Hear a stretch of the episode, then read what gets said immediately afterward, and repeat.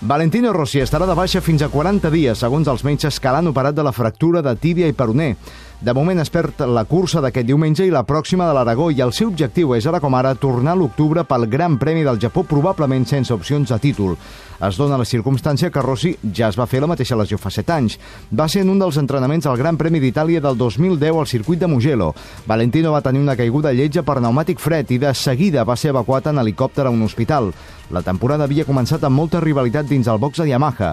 Jorge Lorenzo lamentava la lesió del seu company i, sobretot, rival. Es una lástima porque el campeonato sin Valentino pierde algo y, y bueno, y yo luchar con, con Valentino por el campeonato tiene más valor que, que hacerlo sin él. Rossi havia arribat a Mugello segon de la General a 9 punts a Jorge Lorenzo i diumenge Lorenzo feia segon darrere Pedrosa i l'italià Kei a la tercera posició de la General.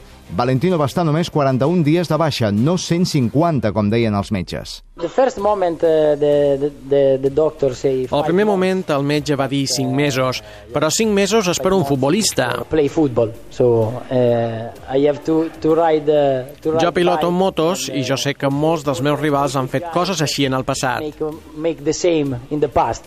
Looks like uh, riders are... Els pilots sembla que estem una mica bojos, però també tenim molta sort perquè quan tenim lesions tenim a disposició els millors metges.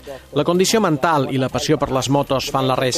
And I think the, the passion for ride the motorcycle make, uh, make the rest. Rossi es perd el 2010 quatre curses per la lesió de tíbia i peroné. Li demanen pel reconeixement que Jorge Lorenzo li havia fet el cap de setmana que es va lesionar. Vale, el mensaje de Lorenzo a la cara de Mugello, la camiseta al podium y el cartelino, ¿te gustó?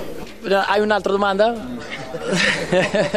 Valentino torna al Gran Premi d'Alemanya i acaba quart, i el millor és que Il Dottore fins a final de temporada remuntaria des del sisè de la General fins a la tercera posició final i acumula set podis, un dels quals victòria.